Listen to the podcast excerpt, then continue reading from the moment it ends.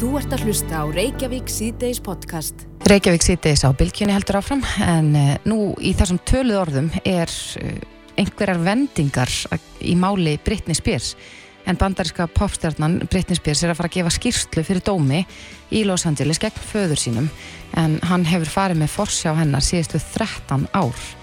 Það hafa nú verið svona hinnar ímsu samsæriskenningar í gangi um, um hvernig uh, hennar málum er háttað en okkur leikur forvöldna að vita hvað er eiginlega að gerast núna, hver er svona nýjustu vendingar í hennar málum. Á línunni hjá okkur er Elva Björk Ágústóttir, hún er sálfræðikennari og umsjónamaður hlaðvarpsins Pop Sálin, komdu sæl. Já, komum daginn. Já, þú hefur kynnt þér þetta ágætla og meðal annars fjallað um málöfni Britney Spears í, í hlaðvarpinu þínu, ekki satt? Jú, einmitt. Þetta mál er alveg frekar sérkennilegt og, og og margir sem hafa áhuga á bara hennar lífi sem er kannski ekkert skrítið því það er ótrúlega einstakt og sjálfgeft að manneskja svona unges og hún sér henn ekki með bara sjálfræði og, og, og hefur svona likla stjórn á eigin lífi en vera á sama tíma svona gríðarlega virk og dögleg og, og hérna og vinstæl og fræð, þannig að þetta er mjög skríti mál allt saman sko. Akkurat, því hefur nú verið haldið fram að, að já, vegna þess að fadirinnar hefur verið með sko, sjá, sérst forsjá yfir henni allan þennan tíma að hún hefur verið fenginn til þess að vera einn stuglu hún hefur verið í raun og veru með Já. síningar nánast upp á dag og, og fleira í, í þeimdúr Einmitt og það er kannski það sem að þeir sem er að berjast hvað mest og hægt fyrir hennar frelsi og þessi steyfing sem kallast frí Britney svona hefur verið að benda á að, að mögulega hafi hún reynilega ekkert um það að stegja hvað hún er að gera og, og eins og í dag þá byrstust þarna einhver ný skjöl frá Dómshald 2016 þar sem hún segir þetta mitt sjálf þar sem hún te telur upp hvað hún hefur verið í rauninni rosalega dugleg mm -hmm. og gefið út marga flötur og haldið marga tónleika og haldið út í hérna síningi Las Vegas í nokkur ár og telur þetta allt upp sem rauk fyrir því að hún ætti nú að fá að taka þessa ákvæðinu sjálf en segir því hann líka mitt í þessum skjölum að, eða það kemur líka fram í þessum skjölum að hún innmitt tala um það að það hafi verið mikil pressa frá pappina sem er sem sagt með forraði yfir henni mm -hmm. uh, fullotnu konunni að þá kemur svolítið fram að, að hann hafi verið að pressa á hana að fara til dæmis og svið þegar hún er lastin og svo framvegist þannig að það er eins og hún hafi uh, lítið um þetta að segja og svo náttúrulega það sem er kannski sérstaklega er að í janúar 2019 þá náttúrulega bara tekur hún uppeyju og þarna átti að hefjast ný síningil á Svegas og hún lappa svona fram á svið og, og virðist svona eiga tala við aðdándur en lappa beint á sviðin aftur og stíningunum var bara frestað og hún vill ekki koma fram fyrir en hún í rauninni fær frelsið aftur sko. Akkurat, en, en þetta er, er ákveðin tímamót núna vegna þess að þetta mál hefur verið í gangi lengi og fjölmjölar hafa fjallað um þetta. En, en er hún ekki fyrsta sinn núna sko einhvern veginn sjálfa að stiga fram og, og mótmæla uh, þessari sjálfræði sviftingu? Einmitt, jú, þetta er sérstakur dagur í dag og þetta er bara hefjast núna. Ég veit náttúrulega ekki hversu mikið við fáum að heyra en það er að fylgjast með þessu á netinu bara mm -hmm live því sem er að gerast í domstál eins mikið og, og upplýsingar með að fara út úr domstál en það sem er að gerast núna og er sérstakt er að hún er loksins að fara að tjástig um þetta mál. Það sem við vitum ekki er hvaða vingil hún er að fara að taka á þessu máli hvort hún er að fara óskefti því að pappina stýði til liðar og hætti að vera hennar forsjár aðli hvort einhver annar er að koma inn núna eru reyndar fleiri en pappinar sem að sjá um hennar mál en, en við vitum að hún vill losna við pappa sem það hefur verið erfitt sambandum að millir og svolítið sérkennlegt bara hann sé að stjórnar hennar fjármálum og áður stjórnar hann bæði fjármálum hennar og hennar persónulega lífi sko. Mm -hmm, það er mjög sérstækt. Akkur, það kom akkurat fram í þessum um, dómskjölum í málinu að, að hef, fæðurnar hefur getað stýrt uh, meðal annars hverjir eru kærastar hennar, hvernig hún innréttar heimili sitt hefur haft stjórn á livjakjöf og, og svo lengi mætti telja. Og bara, og, og, það að hún sé ekki það hefur náttúrulega áhrif að hún má ekki kjósa, hún má ekki eitthvað spöld, hún má ekki keira, sem er stór skríti þegar maður hugsa út í það hvað hún er búin að gera mikið á þessum árum þar sem hún er ósálfráða. Og Akkurat. það sem er líka svolítið erfitt er að hún er ósálfráða eða hún, er, hún mistur þarna frelsi undir ákvæði sem að vennilega nær utanum bara mjög veikt fólk og jafnvel fólk með heilabilun og svona minnisraskanir eins og allstæðnir og fólk færi vennilega ekki freldi tilbaka. Akkurat, en, en sko hún er 39 ári í dag og var svift sjálfur árið 2009 eftir að hafa glimt við andli veikindi sem voru ofinberuð um, í öllum helstu miðlum á þeim tíma. Einmitt. Er eitthvað í þessum sko gögnum eða í þessar umfyllur sem bendir til þess að hún eigi ennþá við uh, slík vandamál að stríða? Hún, hún sé ein, að einhver leiti óhæft til þess að, að, uh, vera að ráða sín megin högum sjálf? Sko það er erfitt að segja til um það og þótt að væri eitthvað í gögnunum um að hún væri að glýma við andlega erfileika eða eitthvað slíkt, þá er það aldrei ástæði til þess að svifta mannesku forræði eða sjálfræði í 13 ár. Það þarf að vera svo ótrúlega mikið uh, af til þess að það sé hægt. Það eru fullt af fólki þarna úti með alls konar geraskanir sem að halda áfram bara með sitt líf og mæti vinnuna og gera sitt og og fá að gera alls konar hluti og frægir einstaklingar sem að eiga vist að vera með svipaði gæru skona hún eru að bjóða sér fram til fórstetta í bandaríkjum og fleira og fleira. Þannig mm -hmm. það er samt sérkennilegt. Þannig ef hún er að glíma við andlega erfileika og ef hún á eitthvað erfi þá er staðan samt mjög sérkennileg og mjög bara já, ófeminisk finnst mér sko. Akkurat, en, en þetta, það er hægt að fylgjast með þessu netinu, bara nánast í beitn útsendingu, þetta hófst núna klukkan fjögur, já, þessi skýrslutaka. Já, bara hægt að fylgjast með, það eru hérna eins og til dæmis bara uh, ABC News og fleiri eru að fylgja málun eftir, þannig það er að finna það bara á netinu. Akkurat. Elva Björk Ágústóttir, sálfræði kennari og umsunamaður hlaðvarpsins Popsálin, kæra þakki fyrir þetta. Takk, takk. Þú ert að hlusta á Reykjavík C-Days podcast. Reykjavík C-Days ábyrginni heldur áfram. Að undanförnu hefur verið mikil umræða um uh, þessar rafskútur sem að finna má um allt land og, og þá kannski sérstaklega hérna á höfuborgarsvæðinu.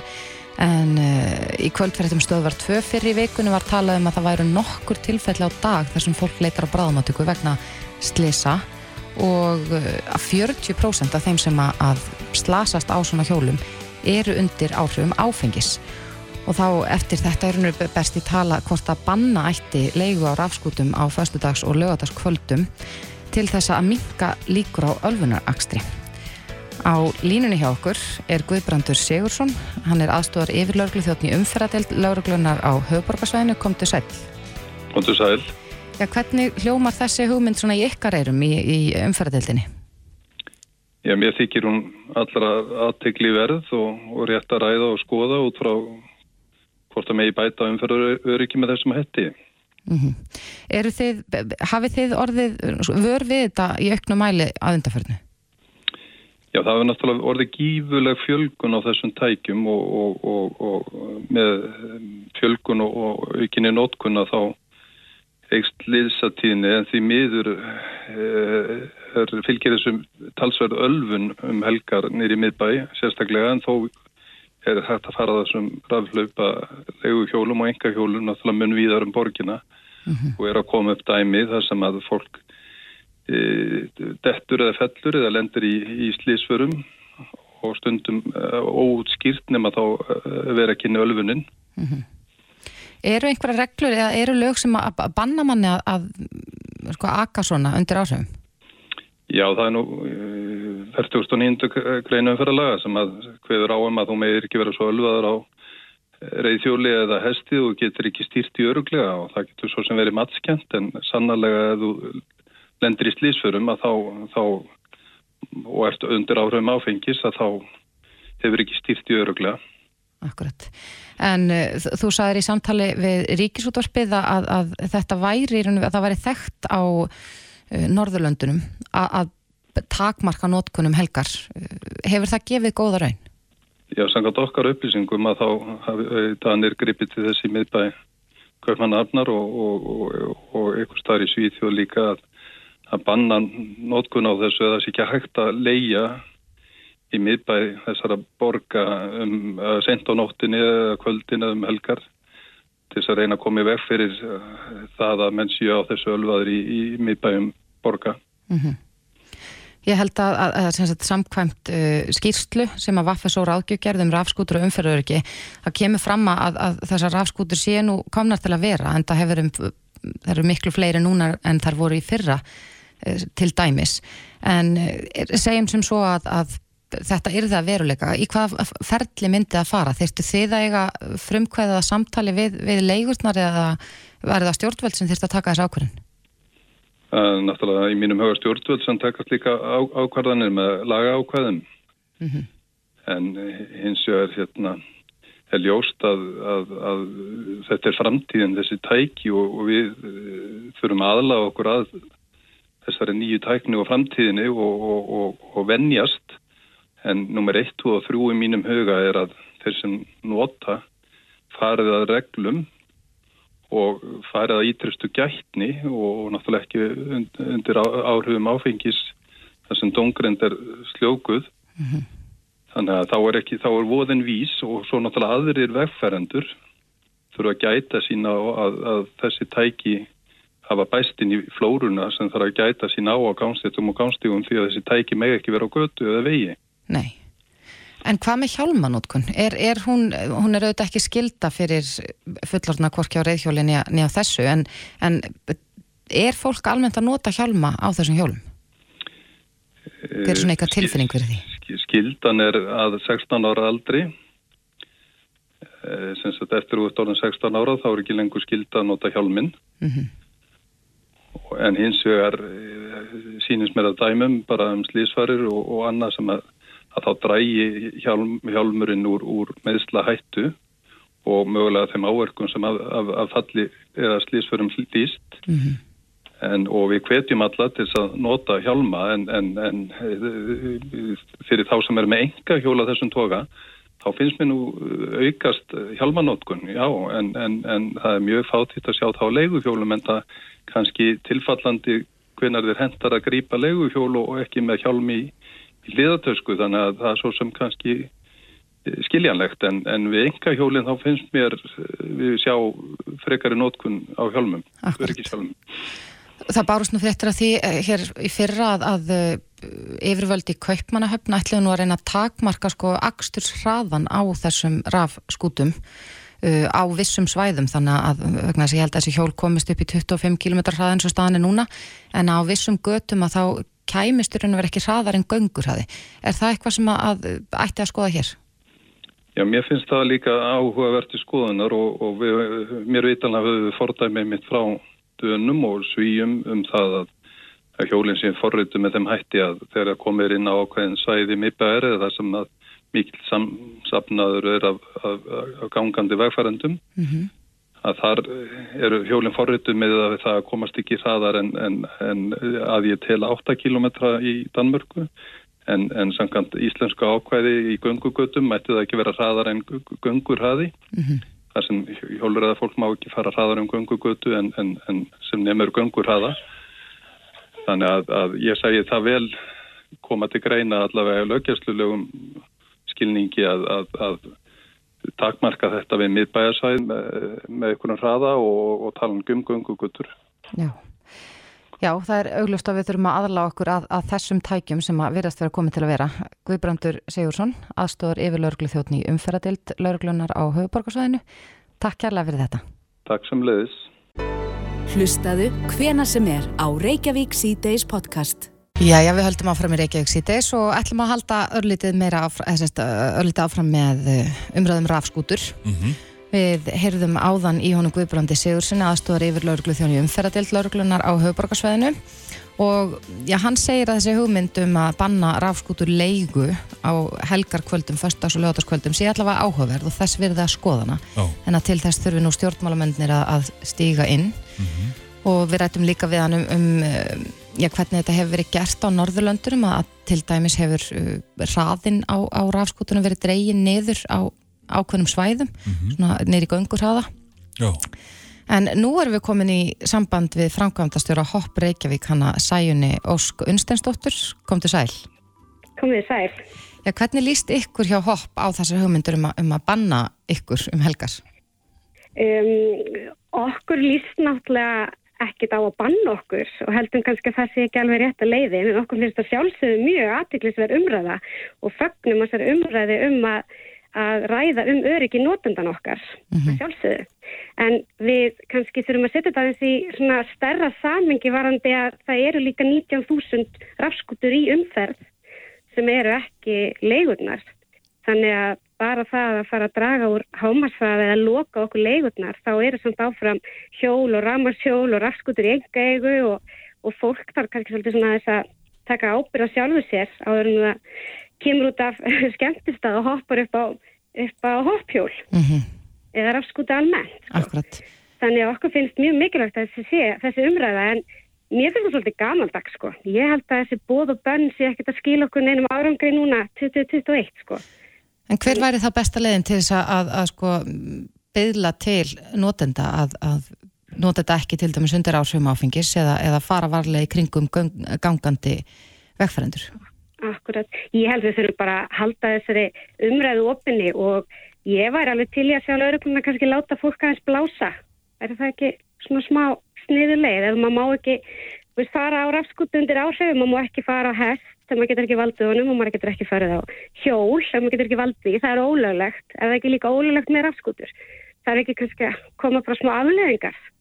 Mm ja, við, þannig að þú myndi vilja sjá laurugluna að grýpa inn í þegar að, að svona er blasir við að minnstu kosti ég myndi alveg að vilja, að taka meira þátt í umræðinu með okkur um að, veist, að sjálfsögur skiptir öryggi notanda rosalega miklu máli en fólk verður að taka ábyrð sjálfur sér no. ef þú getur ekki hjóla þá getur ekki valdið rafskut og þú getur heldur ekki valdið en á 15 ef þú getur ekki valdið en á 25 mm -hmm. Já, en já, hvernig finnst þér einmitt talandu hraðan uh, þessi hugmynd að, að lækkan á einhverjum vissum mm. tíma? Sko við setjum við bara í samingi við það ef að leigu fyrirtækin verða sett þessar hömlur og þau og þau lækki hraðan.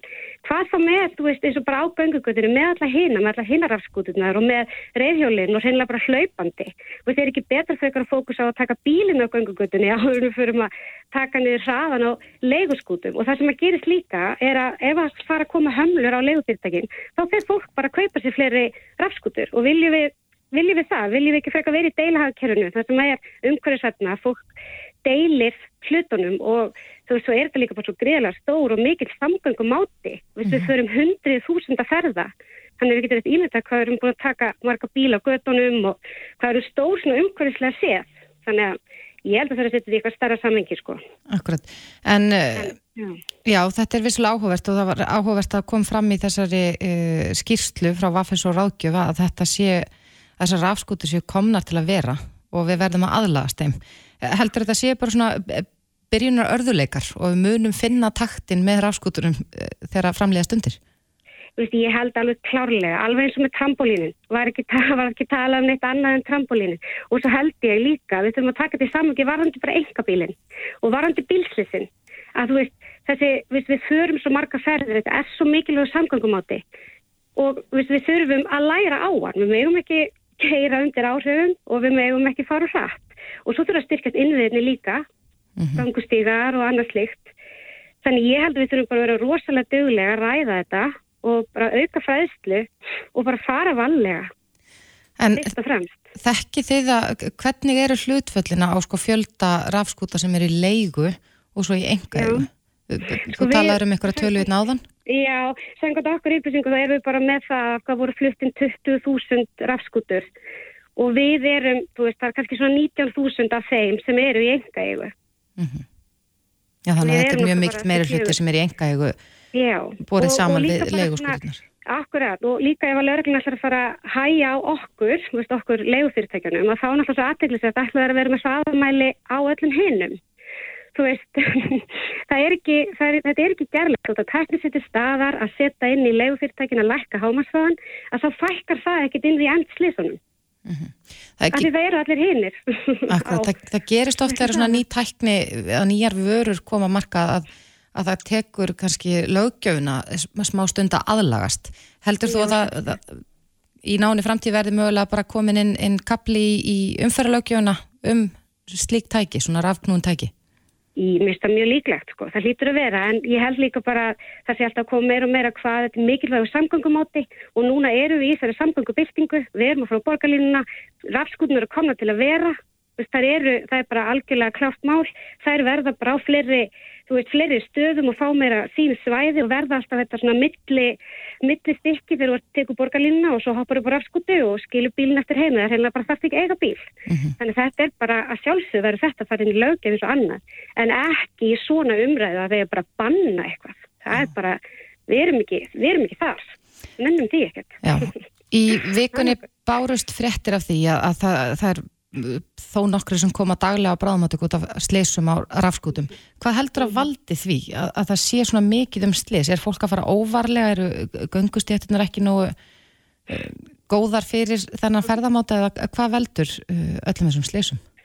Sko sanga tölfenni frá því fyrra þá er það að fólk sé fara hratt. Það bremsaði skindilega eða það er uh, eitthvað svona fyrir því á hóla eða ójafna í gangstétt eitthvað þannig. -hmm. þannig að það er það Það er það sem ég held að sé, fólk er að fara og hratt, sko. Já, en ætli þetta lægist þegar að fólk verður orðið svona aðeins sjóaðara á rafskuturum? Eh, alveg sjálfsögðu. Og svo hvetjum við alltaf sjálfsögðu til hjálmanótkunnar mm -hmm. og við hvetjum fólk til að fara valega. Þannig að það er kannski svona leikillin í þessu og ekki vera tveir. Það stendur Nei. í okkar skilmálum hvernig þú ætti að haga þeir á rafskutu og fólk verður að virða það. Það mátlum Já, svona ímsi skilmála sem ekkert endilega allir fara eftir.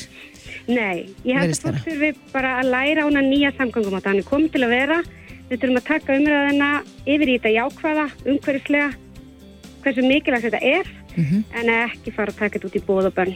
Nei, Sæjun Ósk Unstendóttir, framkvæmtastöru Hopp Reykjavík, takk kærlega fyrir þetta. Takk sem við leiðis. Reykjavík síðdeis á bylginni.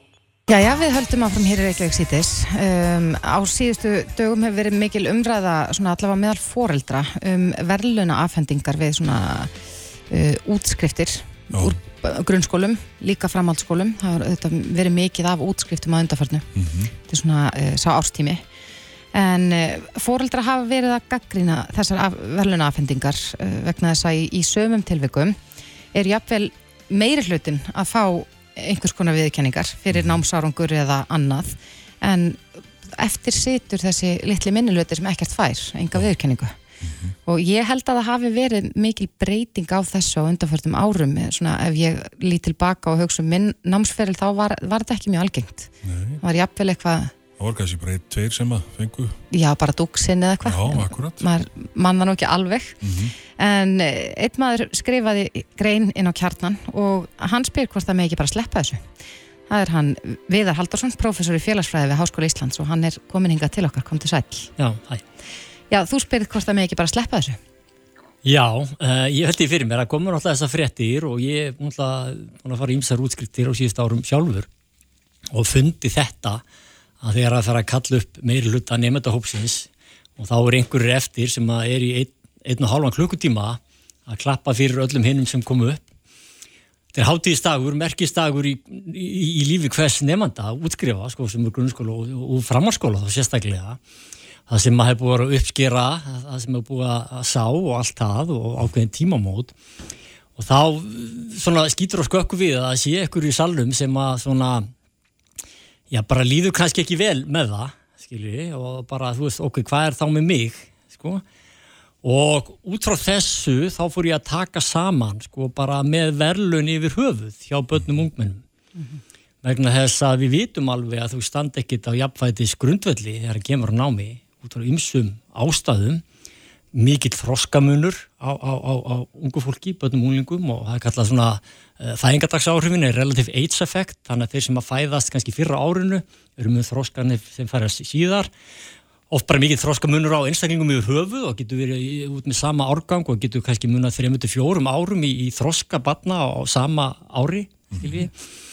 einnig er, er bara margir að glíma við alls konar raskanir, bara hérna, uh, lesblindu eða, eða, eða, eða hvað þetta nú er. Mm -hmm. Fyrir utan það þá eru fjölskyttuastöður mjög mismunandi og, og rannsóknir sína að við vitum það að ef það er menta fólk á heimilinu, fóröldræðinu mentaðir, ef það eru bækur, ef það er þannig kúltur, þá ertu betri tækifærlir að standaði betur námi og svo liggur námi bara betur við sumun öðrum. Mm -hmm. Þannig að þetta verðleika, þessi verðleika umbun, þetta verðleika við erum að komast áfram á okkar verðleikum mm -hmm Ég set bara mikið spurningamerki við það hjá bönnum úlingum vegna þess að þau er ekkert að keppa af sama stað um að fá háar einhvernir, skiljið. Mm -hmm. Meðan að sumir geta lappa í gegnum þetta með beinan og breiðan veg fyrir fram að sig, þá eru margir aðrir með bara rosalega mikið að hindrunum sem eiga þá ekki tækifæri til að komast í hæstu hæðir einhvernum, en það er mikill sigur fyrir þessa aðila að útskrifast þó að sé með lægri einhvernir. Mm -hmm. Heldur það sé einhverju press á nefndum að standast þessa kröfur já, svo, að vinna til veluna? Já, svo líka það, sko. Það er náttúrulega rosalega einhverna menning í íslensku skólakerfi sko. og ég er háskólakennari búin að kenna í hátt í 20 ár og ég finn það rosalega stert að nefnendur koma inn þau eru mjög fókusir á engunir að mínu mati og margra annara á náma ekki snúast um engunir sko. það á að snúast um lærdom að bæta við sig færni að prófa sig áfram, að auka viðsýni og alls konar hluti. Það er náttúrulega grundullur undir námi. Mm -hmm. en námi er óþví mjög engun og miðað sem ger það verkum að við erum alltaf að keppast um þetta. Og ég meina kvíði barn og ungmenna er náttúrulega mikið til og ykkur leita þessu. Það er bara ég verið að standa mig í skóli ég verið að standa mig í grunnskóla að því einhvernirnar gefa mér einhvers konar hérna, innegni að gefa mér forskot og aðra að komast í mentaskóla og ég verið að standa mig í mentaskóla til að komast í þetta fag í háskóla þannig við erum mjög einhverna miðað kerfi og já, það getur klárlega margir sem stefna þangað og forna félagslífi og öðru til að ná hærri engunum mm -hmm. og það er verið að sko, verðlun þessa aðila ofan á engunirnar sko. að mínu mati eru engunirnar stóra umbunin sko. engunin það eru vermæti í engununum sjálfum já. og það er verið að veita einhverjum aðilum sem hafa kannski eitthvað forskot á aðra aðra umbun ofan á þetta og sjálfar útskristadaginn sem ger það verkum að það eru margir aðri sem sitja eftir og bara líður kannski ekkert vel með það meðan þetta voru uppskeru dagur og sitja eftir fáur í salum og allt það. Já, ég, eins og ég myndist á þetta náðan þá mín tilfinning er svo að þetta hafi þróast meira í þess aft á undanförnu og, og taland um einhvers konar enguna dirkun og, og þetta var ekkert svona fyrir ekkert svo mörgum árum síðan. Nei, en ég held að, að skólastjórnundu séu mjög velviljaðir mm. og þegar að vera að veita einum og tveimur velun þá bara ok, en við verðum kannski að veita fleiri velun vegna þess að okkur þessir góður í þessu, verðum kannski að veita í mismundi fögum, það er betra að, að svona uh, hvetja marga, heldur en ein, tvo, skilur við, og þau mistu þetta kannski bara mínum að því aðeins úr böndunum. Er þetta ákveðin, ákveðin forma meðvirkni að, að sko, vilja ekki taka einn út fyrir svega? Já, og líka bara vilja gera mörgum gott, mm -hmm. skilur við, en að sama tíma og ég segi sko um leið og ákveður að verðlun einhvern einn þá sama tíma ákveru að veluna ekki einhvern annan skilur það er alltaf þessi alltaf þegar einhver er veluna það eru aðrir sem telja sig eigaða skilin en fá ekki skilur. og í tilfelli barn og ungmenna sérstaklega þá til ég þetta bara þessi samanburður er ekki hann er ekki réttmætur. Og ég nota hérna stundum núna hérna það var svona skopmynd um kvennabarústuna það sem var svona frami kvenna og karla í, í, í lífinu. Og það er svona skopin, þetta er svona hlaupabraut ég veit ekki hvort ég hef að sé þetta. Mm. og kallarnir eru með alveg bara beina og breyða braut fyrir sig að ná frama í sínu starfi. Mm -hmm.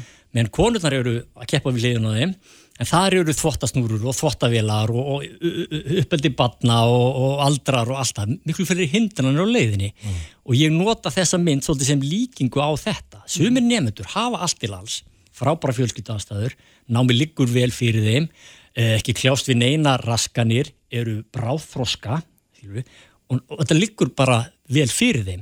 Meðan aðrir er að glýma við einhvað sko, fjölskyldu aðstæður, raskanir eh, sinnþroska sem hamlar þeim í námi og svo verið að verðlauna og þú veist, og hver kemur fyrstur í mark? Jú, það er þeir sem hafa mesta forskotið og fá hæstu engun hinnar mm -hmm. og það verið að verðlauna þá ofan á forskotið sem þeir kunna að hafa mm -hmm. en mér finnst bara að skjóta skökku við í batna og unglinga starfi hvort sem er í þessu eða öðru að við séum að ykkur svona samkeppni og bera saman börn og ungmenni sem geta verið bara rosalega ólíkum stað með allt og er ekkert að byrja á sama stað eða kljást við mismunandi hindranna og finnst mér þetta bara svona þegar þegar ég skoða þetta betur, mér finnst það bara mm, svona óréttmætt og, og kannski ósangjart einhver lítið. Já, þú talar um að, að skólastjórnundur eru eflaust að, sko, að vilja gera, vilja gera vel og þetta er ekki, þetta er ekki gert til þess að útskúfa einn eða neitt, en þarf þá bara skri, stíga skreft tilbaka og, og hætta þessu? Já, ég veldi fyrir mér, skilur, og þess að segja ég þessi grein í kjarnanum, sko, heitir eitthvað, má ekki bara sleppa þessu. Mm -hmm. Og punkturinn minn þar er líka sá að þeir sem er að fá hæstu engunirnar og eru bestu náhansmennir, þeir vita það alveg Skilji, þeir fá það úr einhvernum sínum og þeir finna það hjá kennurum sínum þeir finna það hjá vinum sínum, þeir finna það hjá fjölskyldun sínum þeir eru góði námsmenn þeir þurf ekki þetta ofan á allt hitt mm. og ég setja stundum í íþróttunum sko, það er alveg óþar að vera verðlauna 12 ára krakka fyrir að vera markaðist í leikmaðurinn eða besti leikmaðurinn vegna þess að markaðist í leikmaðurinn er besti leikmaðurinn þeir vita alveg þeir eru bestir mm -hmm. þeir finna það hjá þjálfarnum sínum, þeir finna það hjá liðsfölum sínum og anstæðingum og þeir finna alveg í kringum þeir, það þarf ekkert að hengja á það ykkur og borða fyrir mm. það sko. vegna þess að einhverju leitu, alla rannsóknir sína það bæði í námi og, og hérna, íþróttum að fæðingadagsáhrifin, þroskamunur skýri bara mjög mikið af árangri batn og ungmenna mm -hmm. Og mér finnst bara ekki rétt að við sem að verðluna ykkur fyrir að vera bráþroskaðan Mér við ver, verðlunum ekki eitthvað sem er semfroska, skiljiði sko. Það er svolítið þessu hugsun ég vil bara vekja aðtikla á þessu og bara svona kasta þessari spurningu bara út í, út í samfélagið, skiljiði. Já, það er spurning hvort að verði bröðist við þessu. Viðar Haldursson, professor í félagsfræði við Háskóla Íslands. Takk kærlega fyrir komina. Takk fyrir mig. Þetta er Reykjavík C-Days podcast. Reykjavík C-Days á bylginni heldur áfram. Á morgun fer uh, nýja flugfélagi Play í Jónfrúar flugið sitt til uh, London. Já, við fengum nú aldrei til að sjá eina þóttuna. Já, í lágfluginu. Já. Já, það var mjög skemmtilegt. Já, flugið þetta bara eiginlega beint fyrir fram að glöggan í okkur. Akkurat, við erum alltaf með geggjað útsýni. Já, þetta betur. Við fengum að fylgjast með þessu. Mm -hmm. uh, en hinga til okkar að komin, Birgir Jónsson, fórstjóri Play. Góðan sæl. Sæl. Já, mikil spenna fyrir morgundeginum. Það er það er oft talað um einhverja svona stóra daga sko, ég held að daginu verði ekki miklu stærri en dagunum morgun fyrir flugfélag sko. Nei, klukkan hvað uh, farið í lottið? Eh, það er melluleiti sem að fyrsta flugi er sem er, eru þetta svona ekki venjulegu tími en, en fyrst þetta sem fyrsta flugi þá fyrir við svona guðlum tíma sko. Mm -hmm. Já, það er player búið að vera í fréttum á undanförnu um, meðal annars hefur hún Michelle Ballarinn verið að tala um, um sko forsvarsmenn Váer sem að, að þú tengist nú kannski ekki beint en, en við veitum það að þetta er mikið að sama fólkinu þarna uh, hún hefur meðal annars sakað forsvarsmenn Váum að hafa stólið flugrekstrar bókum eða þetta er eitthvað handbækur uh, hafið þið svarað því eitthvað neina ofnbörlega? Já, sko þetta er eiginlega bara ekki svara verðt sko en, en samt verður maður einhvern veginn að svara út af því að mhm. þetta er veru svo alvarlega ásakan það er bæði verið að ásaka fyrirtæki um að byggja á einhverjum hérna, hérna, stólnum gögnum það er verið að ásaka samgöngustofu um um að hafa vottað einhver gögg sem að standast ekki skoðun og síðast en ekki síst að vera að saka einhverja starfsmennum um þjófna sko uh mhm. -huh. þannig, að, þannig að sko maður veit eiginlega ekki sko eiginlega hver maður á að byrja sko en, en svo byggir þetta bara alltaf á svo miklu miskilgi frá þeim sem eru að ásaka þess aðlum þetta eins og þetta sé einhverjar bækur sem þú getur eitthvað lagt fram og þá er einhver björn unnin sko, eins og þetta sé einhver símaskrá sem þú getur bara, þú veist, þetta eru í raun og veru gæðaferðlar og, og svona, svona viðbras áallanir sem þarf að skrifa frá grunni fyrir hvert einasta flugfélag og, og eitthvað sem að gerist á einu flugfélagi nýtist ekki direktri á öðru flugfélagi, það er þessna sem þetta tekur svona langan tíma og er svona mikið vottað sko. Mm -hmm. þannig, að, hérna, þannig að þetta er raun og veru bara ekki svara verðt og fyrir utan það þá er þetta náttúrulega bara alveg spenning klægilegt sko, því þetta er, þetta, þetta er bara með einhverjum þetta er bara næsta kapli í einhverju svona leikhúsi fáralengas þegar það kemur að þessum aðeila sko, sem við kennum ekki einu svona íslika dómstóla þannig maður átti að segja heldur ekki á því sko hvað hefur hún upp á hvað, hvað hefur það upp á sig að vera að draga fólk í einhverja vitnalegslur sko og tilkynna í fjölmjölum án þess að við komum til að vita af því mm. þetta er eiginlega bara maður eiginlega bara veit ekki hvað maður á að hvort maður á að hlæga að gráta þegar maður les svona sko. Nei, en það var tekið fram í fréttum að, að þessar flugur ekstra handbækur að þær væri einn grundvöldu fyrir því að geta sótt um flugur ekstra leifi en það bárust fréttir á því í dag að, að Váur er búið að sækja um flugur ekstra leifi hvernig metur þú stöðu þessa nýja flugfélags á okkar markaði? Ég bara óska þeim allsins besta og, og ef ég tek sjálf mig kannski úr núna stöðu fóstur og play og bara sem, sem bara einstakling og, og bara Íslanding þá held ég að sko, þurf, það sem við þurfum er fleiri fyrirtæki í ferðarþjónustunni, við þurfum að skapa störf, við þurfum að koma fleiri ferðarmönnum inn í landið og, og hérna, mér finnst að við bara öll sem, hérna, allir Íslandingar ætti að fagna því að það er einhverjir einstaklingar sem að, sem að vilja leggja sína, sín tíma og peninga í að gera slíkt sko. En, en, en, en mér finnst þetta samt voðalega skrítin aðferðafræði og mér finnst þessi tímasetning fyrðulega að vera ásaka okkur þetta daginn á hann við erum að fara hega starfsemi og fara í hlutafjör útbóð og þetta er allt svona þetta, er, svona frekka kindugt allt saman, ef ég á að segja eins og er mm -hmm. En þú talar um að það þurfi að, að fjölga hérna ferðamönnum og, og þeir eru nú að taka þátt í því en sko maður veldi fyrir sér hvernig er eh, sko, ferðamanna yðnaðurinn í heilsinni, ekki bara hér á landi heldur erlendis, er, er fólk mikið á ferðaflugi núna eftir COVID? Það er augljóslega aukast mjög mikið og við sjáum það bara á okkar bókunum að, hérna, að núna á mjög stöttum tíma, kannski svona innan við tveim vikum, þá erum við að sjá gríðarlega mikla aukningu í sagt, bókunum auð, að utan og sumum stöðum eins og kannski París, Berlín og svona, þá erum við að sjá í raun og veru fleiri erlenda ferðamenn eða fleiri innkoming ferðamenn en, en Íslendinga þannig að, þannig að þetta er svo sannlega að vakna og, og hérna og, og ég held að það passi okkar einslega passar það sem ég held að ferðarþjónustan er almennt að tala um að að sömari fer svona frekar hægt að stað og júli verður svona frekar, frekar skrítin en svo er greinlega allt komið alveg á fljúandi siglingu hérna í ágúst og inn í haustið sko. og ég held að veturinn verður líka alveg frábælega góður ég held að, að, ég held við munum öll ferðast meira um vetur en við gerum venjulega sko. sumafríin einhvern veginn svona leggin á veturinn sko. uh, Eru uh, vélarnar full boka svona hlustar? Já, eins og ég segi sko, það er, það er ekki það er, hún, það er ekki fullbókað núna í júli langt frá því sko, en það er sko en það er við að byrja mjög hægt við erum að taka núna þrjár vélar núna næstu vikum svo fyrsta er komin eins og þið nefnið svo gerist þetta núna, við fáum næstu vélina núna næstu mánagamót, svo fyrir lók júli þannig að við erum svona ró, róli heitunum að auka starfseminna sem að er í raun og veru styrklegin okkur að geta gert þetta með þessum svejanleika, þurfum ekki að byrja bara fyrsta daginn með gríðalega mikla framleiðslu eða gríðalega mikinn kostnað. Það er annað líka hjá okkur að við höfum þessar samninga sem við gerðum við, við um þessar flugvilar að við raun og veru borgum fyrir, bara fyrir hvert flógin flugtíma fram á áramótum. Þannig að við getum raun og veru lift okkur að setja sko, fram, frambóðið inn til, a, til að passa við eftirspurnin og við þurfum ekki að vera að fljúa núna þegar allir vita að, að hérna, eftirspurnin er ekki til staðar núna fyrstu vikurnar þá er það ekkert svona það er ekki svona eitthvað kall með sko tákna að geta bara sagt já það eru, við erum með svona marga vélar að fljúa og allt að gerast ef það er engin í vélunum. Það er miklu sniður að geta bara nota svejanleikan og, og komi með frambóið eftir því sem að markaðurinn er að kalla eftir og það er svona okkar, okkar hérna, helsti styrku núna. Hvað eru þið með margar vélar núna? Við erum með þrjá núna frá með lokum, lokum Já, Íslandingarnir er náttúrulega bara sjúkir í sólina sko. mm -hmm. það, er, það er Tenerife og, og hérna Alicante sem við sjáum alveg bara augljósmerkjum og, og fólk er að panta mikið sko langt fram í tíma næstu jól, næstu páska mm -hmm. við vorum nú að tilkynna í dag að við munum vera með flug til hérna Las Palmas á, á Kanari núna frá með jólunum næstu mm -hmm. þannig að það er bara til að svara þessar eftirspurning við sjáum bara, landin er bara sjúkur í sól sko eins og það stendur og hérna kannski ekki fyrir það það þarf engan hundra sko mm -hmm.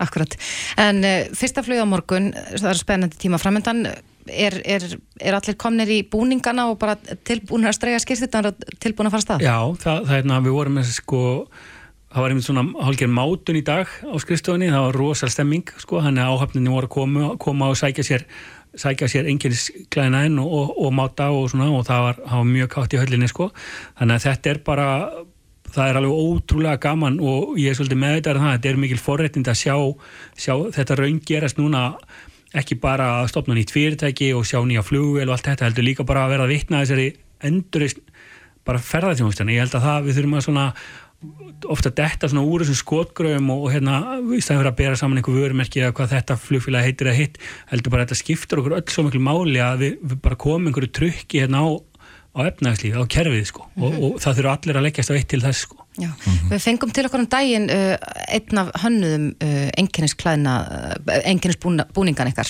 uh, og þetta, þeir eru frábröðnir því sem við þekkjum í flugbransanum.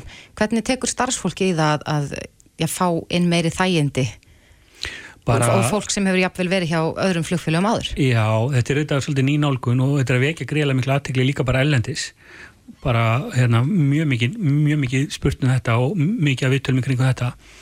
Þetta er svona svolítið nútímalega nálgun, við erum til dæmis ekki með einhver svona reglur um að, um að flugfræðuna þurfa að vera með sko uppsett hárið eða hvernig það er að vera málaðar eitthvað slíkt. Við viljum bara vera með flott fólk sem eru bara flottir einstaklingar, við viljum hafa fólk snirtilegt og allt slíkt sko, en, en bara við trúum því að með, með fólki sem lífið vel í vinninni og er í nútímalegum klæðinaði er ekki einhvern svona búningum, heldur bara einhvern svona þægilegum vinnufatnaði þá verði útgeislunin og, og upplifunin svona léttleikandi og, og svona og svona það verður bara svona sjarmi yfir hlutunum sko. Já. Birgir Jónsson, Forstur í Play, kæra þakki fyrir komin á gangi ykkur vel. Takk hjá Reykjavík síðdeis á Bilginni podcast Reykjavík síðdeis heldur áfram uh, Mér finnst nú orðsvöldi langt síðan að við, við kíktum í Gjaldingadali Já. og vorum að spá í, í spilin þar en nú er búið að útbúa nýtt hraunflæði líkan uh, sem sýnir tvær sviðsmyndir af mögulegu hraunflæði úr náttaga Já. og já, samkvæmt þessu þá mun rau- hraunið flæða í áttasjónum en uh, nú er verið að tala um að við þurfum að, að sko venja okkur við þá hugsun að þetta verði möguleg gangi nokkur ár Já. og ekki vera að hugsa til skams tíma í senn heldur svona, vera með aðeins uh, meiri insýning hvað gerist í framtíðinni en hinga til okkar er komin Þorvaldur Þórasson, prófessor í eldfjallafræði Gónda sæl. Góðan daginn. Já, hvernig eh, eigum við að fara að hugsa þetta til lengri tíma? Sjálfsögðu. Sko, það er ekki sem betur þess að hvort ég sé að fara að hægja á sér. Og uh, þannig að, að, að meðan það heldur áfram, þá er heldur það áfram að, að bæta í hraunið og hraunið heldur áfram að stækka og tegja sér lengra og lengra. Og sérstaklega þegar það er búið að búa til svona vel einangraðar flutnisleiðir og uh, eiginlega allir ángar hraunsins eru núna með vel einangraðar flutnisleið þó svo við sjáum af og til svona yfirborðsflæði þar sem við sjáum rauglóðandi hraun koma niður og, og, og náttúrulega er skemmtilegt sjónaspil en þá er það eiginlega minnsti hlutin af hraunflæðina mm. mest að því er undir skorpunni og, og hérna þessi skorpa hún er, er það sterk hún getur alveg haldið sjálfur sér uppi og hraunir verður flæðir undir henni Hvað er hún þykk? Það er náttúrulega breytilegt eftir stöðum, sko, hún, hún er eh, allt frá því að vera bara örfá sentimetrar og þegar hún er það þykk þá heldur hún alveg hérna fullvaksna manni. Það er, sem sagt, það er tveir hlutar í kafaraskorpuna, sko. Það er efri sem er stökki hlutin og svo deigur neðri hluti og það er degi hlutin sem er heldur öll uppi. Já. Það er all- allur styrkurinn í honum. Og þegar hann, skorpan heldaþyktin á hann er orðið nokkri sentimetrar þá heldur þetta alveg fullvasa mm einstaklingi og, og ans að fara í gegn en e, það er alltaf heitt skotni brána, þú stendur, stendur á lengja þá fara skotnir að brána og þá getur náttúrulega farið illa Akkurat, en svo á öðrum stöðum er, er kannski skorpan orðið nokkri metrar á þygt já. En nú í gær voru, var lögreglán söðinu sem að, að byðla til fólks að, sína ekki glæfrælega hegðunatna vegna þess að það er ítrekka að byrjast í fréttir að fólk sé að ganga á uh, skorpunni, bara að ganga upp á hraunið. Hvernig, hvernig finnst þér að sjá þetta? Þú ert með gríðarlega mikla þekkingu á eldfjöllum. Er þetta ekki stór hættulegt? Sko það fer það er alltaf hætta í þessu og, og sem sagt við höfum gert þetta á öðru stöðum, við höfum lappað á hellurhraunni þar sem er, er glóðandi hraunafræðið undir. Og það er kannski ekki náma metar og milli, milli þín og, og hraunsins en sko, vandamáli með þegar fólk er að fara sérst út á hraunnið svona sjálft, að það greinir kannski ekki á milli. Það sem er þykk skorpa og er allt í lægi að ganga og það sem er þunn skorpa sem er ekki í lægi að ganga.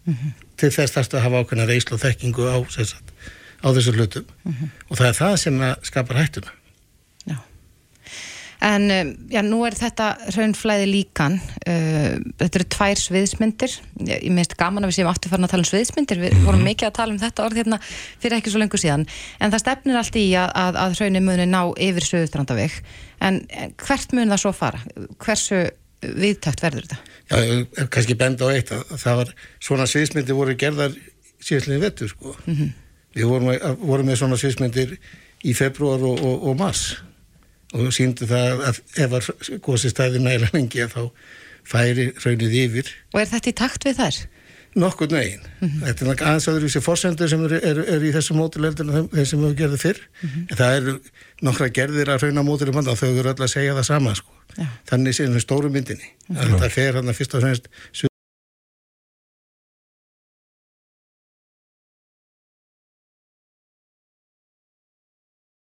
í sjó og hvernig það byggis út í sjó. Þá fer, sagt, getur að fara að fara vestu fyrir. En það er sko ég myndi nú giska á að það væri eh, allavega sko ár ef ekki kannski 2-3 ár áður en það færi að fara vestur. Því að, að, að, að, að þarna, það sem fer söðurætti það tekur hansi lengi við. Og eins líka ef að ræðstóldi að dýpinu ræðst hvernig hraunni fer að, sem sagt, að flæðir út í sjó hvort það byggir undir sig eða hvort það stingur sér beint niður í sjóin það eru nokkuð dæmi um neðansjávar hraun tauma hana frá fyrri gósum sem er það að fari bara beint niður í sjóin og haldi áhrægt í bótinum Já, og ef, að, ef að þetta hraun gerir það til dæmis þá náttúrulega heldur það bara áfram eftir sjábótum Uh, það var í hrettum um daginn að það var talað um að raunin er því lift að renna í sjófram til þess að verja Grindavík. Þetta er þetta er svona ógveikendi sviðsmynd sem að maður sér þar að, að hérna, þessu sé lift að fara í einhver áttina til þess að verja einhvern annar stað. Já, sko, það við myndum heitna helst vilja fara að það færi þá þarna, sem sagt, uh, söðum frá náttagakriganum og, Mm. og þar fram í sjó. Já, Frekar heldur en að færi vestur vegna þess að þá er hætt á því að það fara nálgast innviði sem að kannski kosta meira og, eru verðmættari fyrir okkur. mhm, Uh, ég sagði, við leifum hrauninu kannski ekki eitt eða neitt heldur, sko, hrauninu kannski svona samþykki það að, að, að, að okkar litlu hindranir þær fá að hafa pínlítil áhrif í eitthvað tíma, sko. já, akkurat. Ég held að þetta sé nú, raunir ráður nú meira um þessa, þessa hluti heldur en við, kannski. Já, nú hefur einmitt verið reynd að að stjórna þessu með þessum varnarkörðum og það gengur, hefur gengið ákveðlega. Já, þeir virka. Já, Og það er, sko, og, og þetta er alltaf ákveðið tilraun og það er góða í, í, í, í þess góðu fréttina frá tilrauninni að, að varnagarandi þeir stóðust álægið. Sérstaklega þarna þessi vestari garður sem var eh, veistu fyrstur, að hann beindi rauntögnum austur eftir. Og það var ekki fyrir en sem sagt að rauntögnum sem fór austur með hérna söður enda síðri Meiradals, að hann komst í, í, hérna í, í kvilt þar sem hann komst ekkit út úr. Þá fór hraunin að hækka þar og þá fór það yfir eistri varnagarðin Já. og svo endanum yfir þann í vestri, en varnagarðin stóðust og, og er standa enn þannig sé þegar þú séu komin undir hraun. Og uh, það er mjög sagt, hugreistandi að það, þetta hafi gerst á þennan hátt en þetta var efni sem var tekið á stann Já, það var ekki verið að keira einn efni hann eða, eða, eða með sér hann að efni heldur þetta bara eitthvað sem var rutt upp hann og, og það stóðst álægið og garðurinn sem er núna hérna, fyrir ofan nátt, náttagakrika nú er, er raun að vera notað að beina flæðinu niður í náttagan og hald, viðhalda því, því, því streymi. Kannski er ekki beinaði þetta viðhaldi því streymi að hann verðist vera líka að, að, að skila sínu hlutverki Já. og þetta eru svona leiðagarðar og og, og, það er mjög hughristandi verðan þess að, að það kannski kemur að kannski ekki endur í þessu gósi en það getur komið annar gós þar sem við þurfum virkilega á svona leiðagörðum að halda til þess að venda þá sem við höfum já, og þá erum við það- komið með þekkingu og reynslu Já. þessu. Já. En e, þegar, ég held að maður getur bara sagt þegar eða ekki að, að e, er hraunið mun fara út í sjó yfir Suðustrandavegin mun myndast bara reynilega foss fram af klettunum og út í sjóin. það geti gert það. Það hlýtur þá að vera mikið sjónarspil. það getur þetta sjónaspil og, og þá getur líka verið kannski hægt á, á, á guðusprengingum Já, og eins og hafa orðið á Hawaii þar sem raunin hafa flætt fram í sjó. Að, að ef að að með kviku sem flæðir og spýtist út í sjó og hún næra umleikja vatn og þá kveldsýður vatnið inn í þessari kvilt sem það er í og þá springur það. Já, þannig að ef maður er nála þá getur maður orðið fyrir því sko. þetta er svona það sem er kallu strandgósi þannig að þegar að hraun fer fram í sjó. E, það er aðra sviðsmyndir þarna og það er sennilega muni að ef að hraun fer að flæða fram í sjó og, og, og við heldur þeir, því háttalagi þá er það koma aðra sviðsmyndir líka inn í, inn í þetta. Semst að hraunin fer að byggja sig fram. Það myndar svona hérna hvað þú segir, hraun hérna grunn undir. Og það flæði þá niður í sjóin mynda Bólstraberg og, og Brexju sem hliðu sig upp og síðan bygg, byggir það svona pall sem að hraunin fylgir og byggir sig út í, út, í sjóin út í hafið. Þannig að getur, þetta gerst inn við Surtsey. Og þar er 100 metra þykkur svona neðansjáar pallur sem að hraunin sittur á. Já, já. Þannig að það þarf að fara að tekna landakortinu búið nýtt. Já, það get, þetta getur stækka landið. Það er líka hinmyndin er svo að hraunin fer beint nýður og bara heldur áfram að flæða. Mm. Þetta það fer bara í gegnum yfirborðið á sjónum eins og það sé ekki til og, og heldur áfram að flæða þá, þá neðasjávar. Þetta hefur líka gerst. Einsleika ef það byggir sig smátt og smátt út í sjó og þannig að aldan er alltaf að vinna á móti uppbyggingunni. Hún er alltaf að rjúa niður og þá getur farið sem bildur að hrinja af hrauninu niður í sjóin og, og hérna þannig að það getur skapast hættur út frá því já. En við vitum að þeir eru á tánum, það er funda annarkvæð dag er það ekki til þess að fylgjast með, eh, eða almannavarnadeildin er, er að funda annarkvæð dag út af svona fylgjast með gangi Jú, mála. þeir fylgja, ég held þeir fylgjast bara daglega með gangi mála sko og svo náttúrulega eru það eru ymsins að satt hérna hópar sem koma saman og einn þessar hópar sem, vinnuhópar sem er þannig, það eru varnir innviða Já. og það hefði fundað reglulega og farið í gegnum stöðun og, og menn fara vel yfir málinn og það er sem sagt engar ákvæðin tekna nema vel grunduðu máli. Nei. Þorvaldur Þorðarsson, professor í Eldfjallaræðin. Kæra þakki fyrir komuna. Takk fyrir mig. Reykjavík. Reykjavík síðdeis á Bilginni heldur áfram, nú er klukkan farin að ganga sjö og ég held að sé eh, bara bresta á síminn sæklóðun þar sem að fólk er að hjóla ringir í kringu landið. Mm -hmm. Fá allt í þessu veðri til þess allan hér á, á höfuborgarsvæðinu. Já, mér skilst það að, að veðrið eigi að vera svona um allt land allavega næstu daga. Já, Vonum það. það er bara mjög gott. Ég held að hljóta gagnast allavega þeim sem er að hjóla. Mhm. Á línni hjá okkur er Ragnar Már Viljánsson, skipulegjandi Síminn Sæglóðan, kom til sæl. Jú, komið sæl. Já, klukkan hvað byrjar þetta? Þetta byrjar, byrjar klokkan 7 í kvöld. Mm -hmm. Við byrjar reyndar í gær, þá var, voru sendir að stað hérna, í einstakliskeppninni og, og síðan hjólakraftur, uh, fengur smá fórskot Mm og uh, þessir aðlar komnir vel á veg þegar hérna, fór í gegnum Akureyri. Þess að Jake Catterall er, er í einstakliskeppninni og, hann fór í gegnum Akureyri um svona, uh, það er ekki verið um, rúmlega eitt í dag, hjólakraftur aðeins og undan. En síðan byrjum við klokkan 7 í kvöld á, á liðakeppninni og uh, þá verður ræst út í, í frá eigisöðinni. Og, og hv- hvað uh, gera þeir á fyrir að vera lengi og, og hversu margi kílometra er þetta? Þetta er nú tæpir 1400 kilometrar. Þetta er ágættis leið. Mm Þetta er ekki alveg hefðbundin fingur. Það er þeir hjóla til dæmis uh, þingvallaveg, síðan kjósaskarsveginn í kvalfjörðin og koma þaðan út á, á þjóðveginn aftur og síðan þegar þeir eru komnir á Östurlandið og, og, og vera að fara svona söðurabúinn þá er farið yfir öksi, yfir malakabla þar. Þannig að þetta er svona aðeins farið uh, bæta við eruleikast í líka. Akkurat. Já, þetta er, hétu þetta áð, áður Vá Sæglóðan, en Já, nú, þetta- núna heitir þetta Síminn Sæglóðan, en þetta er alls ekki fyrsta sinn sem að, að þetta er gert. Nei, þetta er, er nýjönda keppin sem er að fara fram núna. Þetta er nýjönda sinn. Fjall eh, vissulega niður í fyrra út af öllu og uh, við náðum alltaf keppin í ár. Það er ekki eins margir þáttakendur eins og, eins og verið hefur undanfarið uh, vegna þess að lið hafa bæði ekki verið að ná upp æfingu og, og, og annars líkt. Þannig að við skiljum það vel, við erum með þakklaði fyrir þau lið sem er að taka þátt og gerum við kleipt að halda keppin í ár og en þetta verður eftir bara með stærra aftur á, næsta ári þegar að mörg af þessum stóru liður sem alltaf verið með koma aftur. Já. Það svona að segja það að gera. Er þetta engangu íslensk lið eða kom einhver erlendis frá? Það er, er einstaklingurinn, er, er Jake Catterall, hann kemur frá Hollandi Já, sem er í einstaklingskeppninni og síðan er eitt lið frá Texas sem heitir Team Texas og þeir koma frá Dallas, vaskir, vaskir strákar. Mm Þannig að þeir halda svona uppi flaggi ellendurliðana sem hafa nú alltaf verið uh, töluverði í, í þessari keppni og hérna þeir halda uppi heyri þeirra í, í, ár. Akkurat.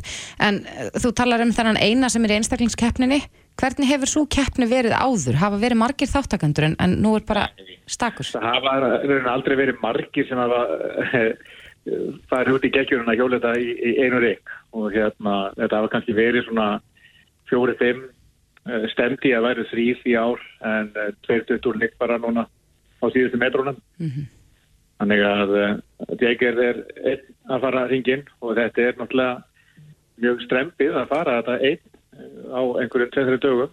Og hann stefnir á að fara þetta við kringum uh, 52 sem er metið 52 klukkutíma og hann stemdi á það, ég veit ekki sjáum hvernig, hvernig gengur, það var svolítið blöyt nóttinn hjá þeim í nótt en veðrið er bara frábært framöndan og, og eh, hann verður alveg klárlega mjög sterkur þegar hann kemur inn á. Eh, Nú náttúrulega er þetta mikið til á, á þjóðvegum landsins, þannig að þið þurfuð að vera í góðu samstarfi við ökumenn.